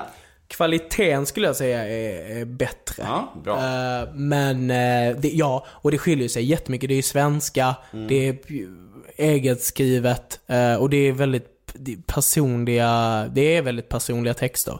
Eh, och olika, men fan, men den här perioden som jag pratade om innan efter Human tills nu. Som var jävligt, väldigt turbulent för mig och fick mer ångest och jag blev väldigt mycket mer beroende av människor typ och vad folk tyckte och tänkte. Eh, och, det, och det skriver jag väldigt mycket om, och relationer. Som jag har Men haft. hur går själva låtskrivarprocessen till? Mm, det är olika. Jag har skrivit... ehm, ja, som den första singeln Det går aldrig, som har jag gjort med Pontus Persson, en producent. Eh, och vi det var första gången vi sågs och första gången jag tänkte att jag skulle skriva på svenska. Som vi sågs. Eh, och då skrev vi den låten där och då hade jag kommit på den här lilla Det går aldrig-slingan. Det går aldrig, som är. Och då, eh, ja, så vibade vi fram den. Mm. Ni jammade i studion. Ja det gjorde vi faktiskt. Ja. Vi jammade. Och det var skittrevligt. Eh, och sen så har Petter Taland eh, kommit in och skrivit, eh, då har han hjälpt mig med texten. Då skriver jag en grund och så har vi suttit en dag och skrivit klart texten. Och det är väl lite olika. Jag har, få, jag har skrivit text med lite olika på det här albumet. Petter har varit med nu på andra singeln också, Kyss mig slowmo som släpps nu, någon gång. Jag, ty- jag tycker vi slänger in lite av den här. Är det sant? Fan vad roligt. Fixa två shots och kyss mig i väntar vi, väntar vi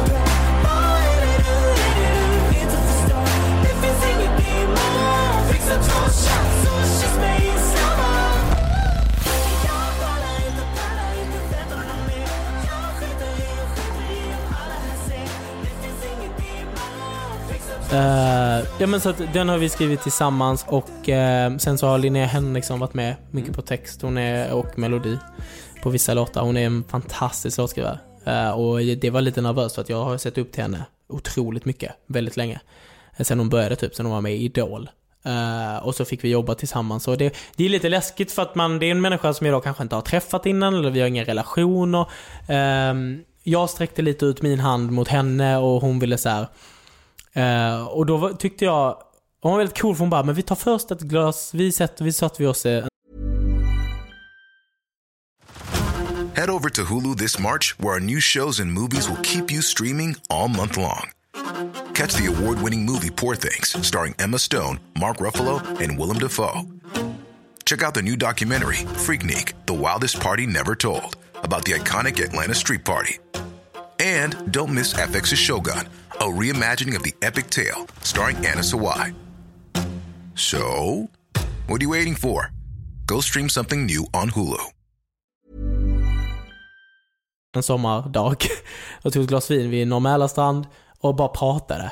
Eh, och då kände jag jag bara, fan ja, det här är bra. Det jag vill skriva med dig liksom. Och sen så bokade vi en session och så skrev vi tillsammans. Och då har jag, då har jag oftast någonting jag vill skriva om. En tydlig titel eller en textrad eller någonting. Eh, eller en, bara en känsla. Eh, och det är väl så, det är väl typ så det går till. Och det, ibland är det också att jag har, vi, jag har skrivit en, en text eller en låt med fantastiska musiker, producenter och låtskrivare och sen så kanske det är något som saknas och skickas den iväg eller går runt till, till någon som jag önskar. Eh, och förhoppningsvis så vill den människan komplettera eller känna så här, men det här tycker vi är bra. Eller jag. Eh, var det flummigt? Är det flummigt? Nej, nej. Inget är för flummigt Oskar. Nej, det är bra. Ja. Ehm, nej men så att det är, skri, låtskrivarprocessen är väl lite olika och nu är jag väl lite i en period där jag, jag har skrivit hela hösten, hela sommaren och typ fram tills, eh, till mars. Och när kommer plattan då? Men till, jag vet inte när den är klar för just nu är jag lite i en period där jag, jag känner mycket men jag vet inte riktigt vad jag ska skriva om. Det har inte blivit så bra. Och jag är extremt beroende av bra stunder. Har jag haft en dålig dag i studion en vecka, då är det, det ska mycket till för att dagen efter ska bli bra. Typ. förstår. Eh, Så att jag är lite... Nu är jag väldigt fokuserad på att så här, göra klart de låtarna jag har skrivit och sen får jag ta det efter det. Men eh, det kommer en singel nu, eller den är väl ute gissar jag, nu när folk lyssnar på det här. Det är den här singeln jag väntat jättelänge på att få släppa den. Det är ju läskigt, alltså det, det är konstigt att ha låtar i sin mailkorg väldigt länge och sen ska de släppas långt tid efter. Eh, men det är kul, ja, det är fan det är skitspännande. Eh, jag har ett litet segment som heter sex snabba. Perfekt. Jag säger eh, sex snabba frågor helt enkelt. Och du får säga ja, ganska snabba svar. Mm, okej. Är du med? Dyraste ägodel? Ehm, det är nog min dator. Nej, det är min, ja, min lägenhet, men datorn, ja. Vad missbrukar du? Fa- ja, eh, så... Jag, eh, jag vill säga, alltså för min egen skull så tror jag att jag dricker lite för mycket. Eh, och jag tror att jag ska liksom trappa ner på det. Jag, jag har ingen missbruk tror jag. Men uh, man är ju ute i min ålder, det är polare, solen börjar liksom komma fram och man sitter ute på uteserveringar och tar gärna ett glas vin. Eh, men annars missbrukar jag min telefon. Eh, som in i helvete. Och Instagram, jag hatar Instagram. Ja, du får följa med i spåren. Ja. Jag slutade med Instagram i förrgår. Du tog bort ditt konto? Nej, jag har, jag har, snubben som klipper min podd eh, har bytt alla lösenord och han ska ha mitt konto och lägga upp jobbgrejer bara. Okej. Och jag har tagit bort appen och allting. Bra. Eh, ja, det känns jätteläskigt. Alltså världens största grej är det ju. Ja. För man är ju, som du är inne på, jag, man, jag får avsmak på hur mycket jag sitter med den här telefonen i handen. Och jag har liksom en dotter och jag vill vara närvarande. Ja. Sitta där och bara tänkte på likes, avföljningar, du vet, din avföljning. Vet, jag, blir, jag blir sinnessjuk. Analyserar och bara blir jättekänslig. Du vet, så, här. så jag bara, bort med det nu. Det kommer vara skitjobbigt ett tag, det kommer vara en avgiftning. Men jag är säker på att det kommer vara världens mest fridfulla grej sen. Men det är skitläskigt. Mm. Alltså jag verkligen, jag, jag tycker det är så jag kom fram till det för några veckor sedan och, och men vi pratade lite med dem jag jobbar med om det. Alltså liksom att jag det blir så beroende av att jag har en, en app som är mitt jobb så mycket. Eh, och som är en sociala medier, den är ju främst bara en kommunikationsapp. Men det har blivit en, en jobbapp på något sätt. Och det tycker jag är jätteläskigt. För att jag vill inte jobba med det. Jag vill skriva musik, det är det jag vill fokusera på. Och släppa och stå på scen och sjunga. Eh, och så är jag där ändå och jag kollar likes, jag kollar kommentarer och lägger ut stories bara för liksom, ja antingen eh, säga någonting som jag vill säga eller eh, imponera på någon jävel som jag vill ska se något liksom. Ja, det, är sånt, jä- alltså, det är sånt jävla stresspåslag Ja. alltså. Eh, ja, nästa. Eh, vad gör du när ingen ser? Jag brukar faktiskt stå eh, och sjunga framför spegeln, mima. Mm. Mima? Ja, det är väldigt konstigt. Jag gör det, jag kan få feeling ibland, så stoppar jag i mina hörlurar och så typ låtsas jag att jag Det är någon sån här barndomsgrej som jag har fortfarande sedan jag var åtta och stod och sjöng framför spegeln. Men jag sjunger mycket framför spegeln. Ja. Vidrigaste du gjort mot en annan människa? Ehm, jag har gjort ganska mycket, alltså det här, jag kan typ inte säga bara rakt ut för att jag För att jag, ehm, jag är en extrem så här people pleaser eh, och vill gärna att folk ska tycka om mig. Det här blir inget snabbt svar. Vill gärna att folk ska tycka om mig och det tror jag har gått, u- alltså det har gått ut över mina nära vänner ibland. Eh, för att jag försvinner bort, jag är svår att få tag på för att jag är, in, jag är i en annan vänskapskrets där och då i någon månad typ och, och tar de som har varit där från början lite för givet och liksom de som har varit där hela tiden. För att jag tänker, men de finns ju kvar. Och det, och det, det är många sådana stunder som har blivit stora grejer och som har tagit på mig mycket. Eh, Så att det är något jag försöker bli bättre på. Men jag är ganska dålig på att eh, eh, underhålla relationer. Överlag. Men det vidrigaste, vidrigaste jag har gjort. Ja, fan, jag vet inte. Kanske otrohet? Nej, jag har inte varit otrogen. Eh, jag har inte varit i ett förhållande. Nej. Ja, det blir svårt. Ja, det är jättesvårt. Men jag har... ehm, Avföljt mig på jag Instagram? har följt dig på Instagram. Ja, nej men när jag var på högstadiet så var vi, ett- när så här bildlärboken och sånt var stort. Eh, då var vi ganska taskiga mot folk, tror jag, under en period. Vi är lite nättroll. Uh, Ajabaja. Ja, det, vi- det var vidrigt. Bästa kändiskompis? Oj. Bästa kändiskompis? Vem är den kändaste människan som du umgås med regelbundet? Uh, fan, jag vet inte. Molly Sandén. Ja, det är ett bra svar. Eh, bara så. Jag har svårt att se dem i de kategorierna. Men jag... Nej men det är väl, ja. Jag har mycket bäst, jag har väldigt mycket bästa vänner. Mm. Ja men det är jättebra svar. Molly Sandén funkar. Ja, vad glad att jag kan plisa dig. bi- Bistå mig med Ja. ett bra svar. Vad ska du rösta på i höst? Eh, jag vet inte faktiskt. Det är första gången jag röstar. Mm. Stort. Jag missade valet precis för fyra år sedan. Eh, men jag... eh, jag vet inte. Jag är uppväxt i en ganska så här högerfamilj. Eh, Ingenjör, läkare. Så det, det är jag uppväxt i, men jag vet inte riktigt om jag är kvar i det. Eh, Det tror jag inte. Eh, Men jag, jag håller på att kolla runt lite. Eh, Eller kolla runt, jag vet ju vad jag står för, så jag försöker bara hitta det som matchar mig bäst. Men det är ett jävla, jag tycker det, det är ganska kul att följa nu hur liksom alla politiker är ju extremt sociala medier-kåta. Alltså jag ser dem överallt. Det är små klipp och det är roliga så här reklamfilmer och memes och det är YouTube eh, vloggar och grejer. Alltså det är ju helt otroligt. Jag kan säga att det märks, jag kan säga att det märks för mig med. Jag har ju fått förfrågan från typ alla partier. Ja. Så de vill ha med sina partiledare i podden. Kan du köra alla? Samtidigt. Ja. Alltså jag är ju extremt eh, dålig på politik. Ja. Och jag tänker att eh, kanske kan man vända det till någonting positivt. Att man, att man har lite, lite intervjuer med partiledarna for dummies. Förstår du vad jag menar? Alltså för oss som inte har så bra koll. För, för jag, jag vet ju ingenting. Jag, jag vet inte heller var jag står. Jag är bara så här. Ja, jag röstar på det som mina föräldrar Men jag tänk, på. det jag vill, men man, fan man är ju trött på att höra dem bara snacka om sin politik så det är vet, jätteintressant att bara höra Ett, ett sånt här samtal ett liksom. sånt här samtal med, Ja, med äh. sen får de ju insyn, de är ju skickliga som in i helvete så de får insyn i politiken ändå. Ja, men det Eh. vet jag. Jag har haft, jag har haft två politiker tror jag. Och eh, de är ju så otroligt skickliga på att svara på sådana sätt.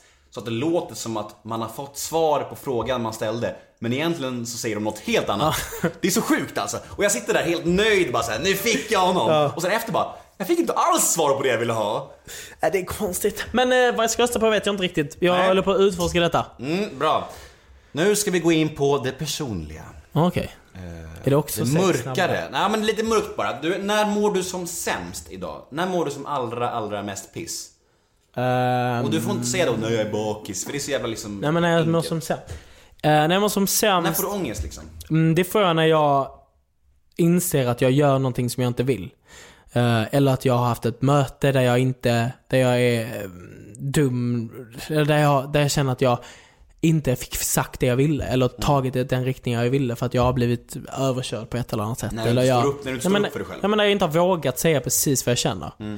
Eh, och det kan vara banala grejer. Det kan, vara liksom, det kan handla om en pressbild. Eh, där jag känner att jag bara, men fan det jag vill ju det här. Varför är det inte bara mitt ord som är det viktigaste typ?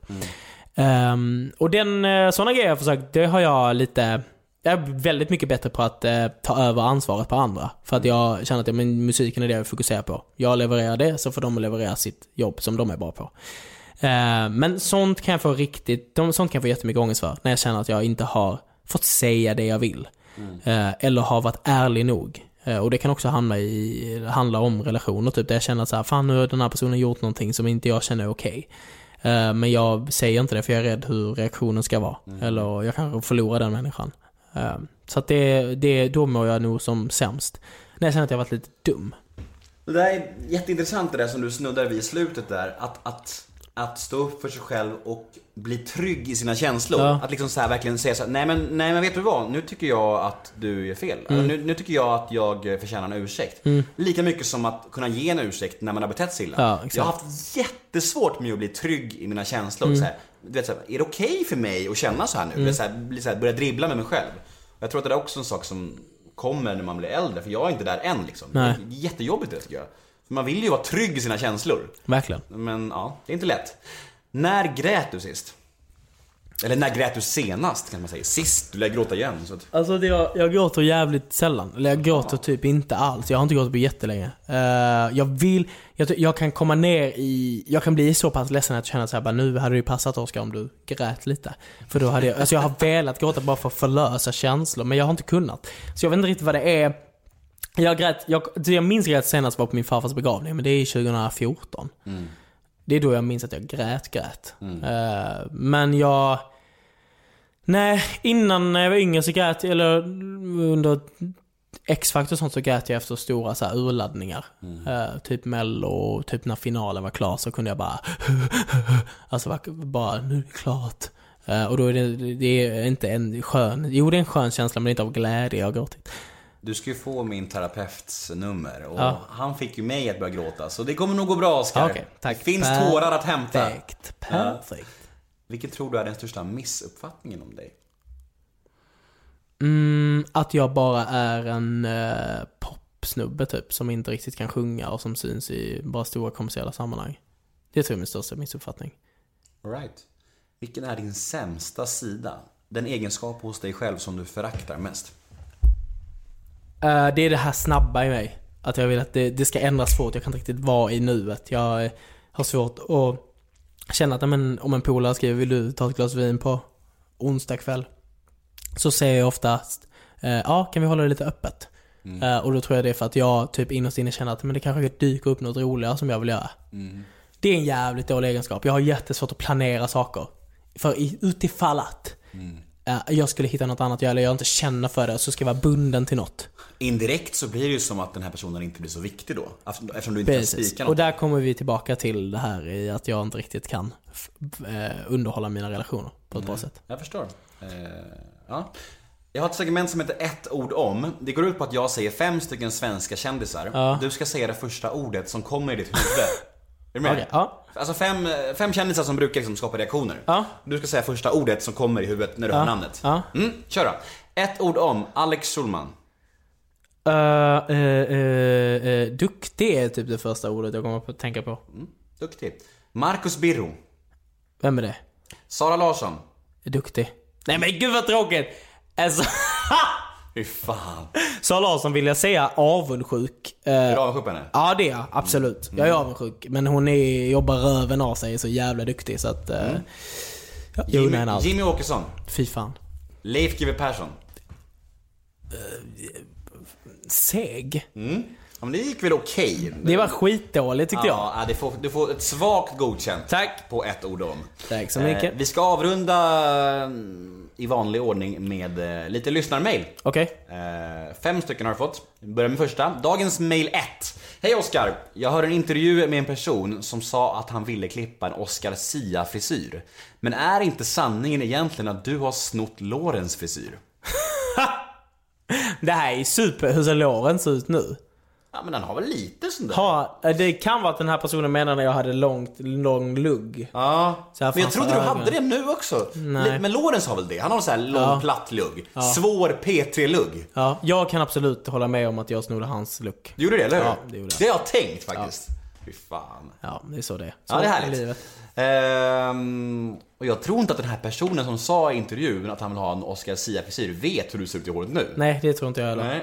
Alltså det är inget fel, men jag menar bara att jag tror, att han, jag tror han tänkte på Lorentz frisyr. Ja, Tror det är jag. sorgligt att du bara fått fem frågor. Vad sa du? Fått fem mail.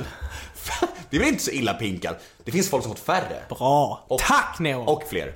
Bra, ja, det är såklart. Dagens mail nummer två. Hej fina Oscar! Bianca Ingrosso sa i Breaking News att du är den roligaste person hon känner. Har du några kommentarer på det? Och på vilken plats på listan kommer hon av de roligaste som du känner? Alltså Bianca, jag var väldigt glad när jag hörde att hon hade sagt det här. Eh, men jag vet inte riktigt. Eh, nej men jag, alltså jag vet inte.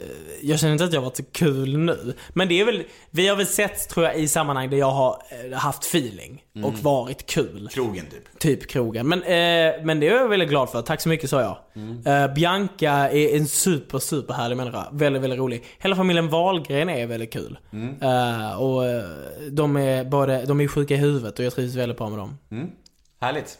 Dagens mail 3. Hej Oscar, vad söker du i en kille? Hur skulle din drömpojkvän vara? Mm, oj. Oj, oj, oj. Gud vilken eh, töntig fråga, men också kul. Eh, det var, nej men vad fan. Är du, tror att- du singel?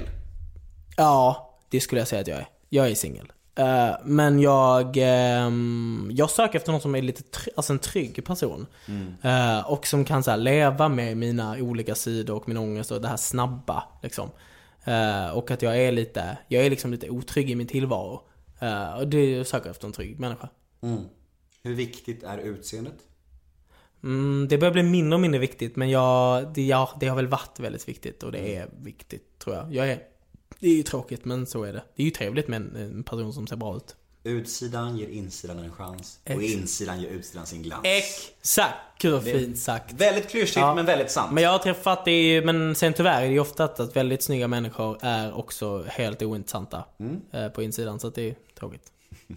Dagens mail nummer fyra. Hej Oskar! Många svenska popkillar har ju börjat köra på svenska senaste tiden. Darin, Erik Sade, Danny, Anton, en- Anton Ewald, ja, i princip alla. Två frågor angående det här. 1. Varför tror du det är så? Och 2. Vad ska du göra för att inte försvinna i mängden? Är du rädd för det? Um, varför vet jag inte riktigt. Alltså jag, det fina med att skriva på svenska tycker jag, det är att det blir väldigt ärligt och väldigt naket. Eh, och det är det jag känner att jag har saknat i musiken när jag skrev på engelska. Eh, och eh, försvinner mängden, alltså jag vet inte, alla har ju så olika artisteri tycker jag. Både Darin, Danny och Erik har väldigt olika artisterier. Och väldigt olika låtar. Jag tror att, men så här, jag... Jag tror att jag har hittat ett spår som är lite olikt. Och min skånska tror jag också är, sticker ut lite. Ehm, men det är skitkul. Tycker jag. Och det är kul att så många skriver på svenska. Det är kul att, eh, eller jag vill eh, samarbeta med så många som möjligt. Jag tycker att man ska samarbeta mer. Dagens mail nummer fem. Vi har snuddat vid det förut. Vi pratade lite om det här med eh, att komma ut och, och, och riskerna med det, eller vad man ska säga. Eh, Hej Oskar, tror du att det finns en risk med att komma ut som snygg, ung, manlig popstjärna med tanke på att förlora kvinnliga fans och så? Är det något du reflekterat över? Mm, jag var rädd för det då. Det var jag. Ehm, men sen så kände jag att jag, alltså ett så brydde jag mig inte för att jag var men det här är jag. Eh, det var helt sjukt om jag skulle gömma mina, eh, mig själv för att typ sälja mer. Det vore ju helt stört. Eh, och jag uh, reflekterat över det och vad var frågan var om jag var rädd för det eller nej? Nej, nej, det är jag inte rädd för. Eh, utan jag tror att jag, den publiken som tycker om mig, tycker om mig. Eh, det är väl det som är det fina i ett artisteri. Att de som gillar en lyssnar på en och stöttar en. Och då är det det som är. Och det är man ju väldigt tacksam över. Bra. Du, eh, nu då? Framöver, du släpper singel och eh, vad är annars då? Planerna, drömmarna? Blir det turné i, i sommar eller? Ja. Eh, det blir nog in turné denna sommaren. Eh, som det ser ut för att jag vill släppa mitt album. eh, och skriva klart det. Så det är det jag kommer göra. Sen förhoppningsvis ut och spela så snart som det bara går. Eh, men ja, det är det här jag gör. Jag kommer jobba lite på P3. Men skriva, skriva mest musik och släppa låtarna. Har du några andra drömmar du vill liksom avverka som du känner på rak arm? Så jag vet en skådespelare eller någonting som du har i din... Alltså jag skulle, film skulle jag vilja göra, absolut. Eh, sen så har jag ju en liten, musikal vill jag väldigt gärna göra Mm. i framtiden. Men sen har jag en liten, jag tycker det är kul att programleda. Så att göra något stort tv-program hade inte varit fel. Mm. Man, Eh, ser, men- man, man ser ju ändå dig som en av tre programledare i mello något år. det, tycker du? Det gör man Ja, väl? och jag hade tyckt det var jättekul. Men om några år kanske? Ja. Ehm, Har du fått frågan? Nej. Nej. Inte. Vi får väl se om du får den. Ja. Jag tänker att eh, Christer Björkman kanske hör på det här. Och Ja, det kanske jag gör. Slänger ut den för Ja, frågan. visst, vi får se. Du, hur... Vi börjar bli klara. Ja, det var väldigt trevligt. Hur känns det? Jag tycker det känns jättefint. Mm, jag tycker också det. Jag är jättenöjd. Om man eh, vill följa dig så finns du och heter Oscar Sia överallt. Överallt. Ja. In och följ Oscar Sia överallt. Eh, mig behöver ni inte gå in och följa. för- att jag eh, har Gud vad skönt att säga så. Ja, nej men ni får gärna följa mig på sociala medier. Men det är inget mer privat och personligt där. Det är endast jobbgrejer angående podden och stundande boken och föreläsningar och allt vad det nu är. Eh, vi säger stort tack till Oscar Sia. Tack för att jag fick komma och tack för att du kom hit. Mm. Hej då! Hej då!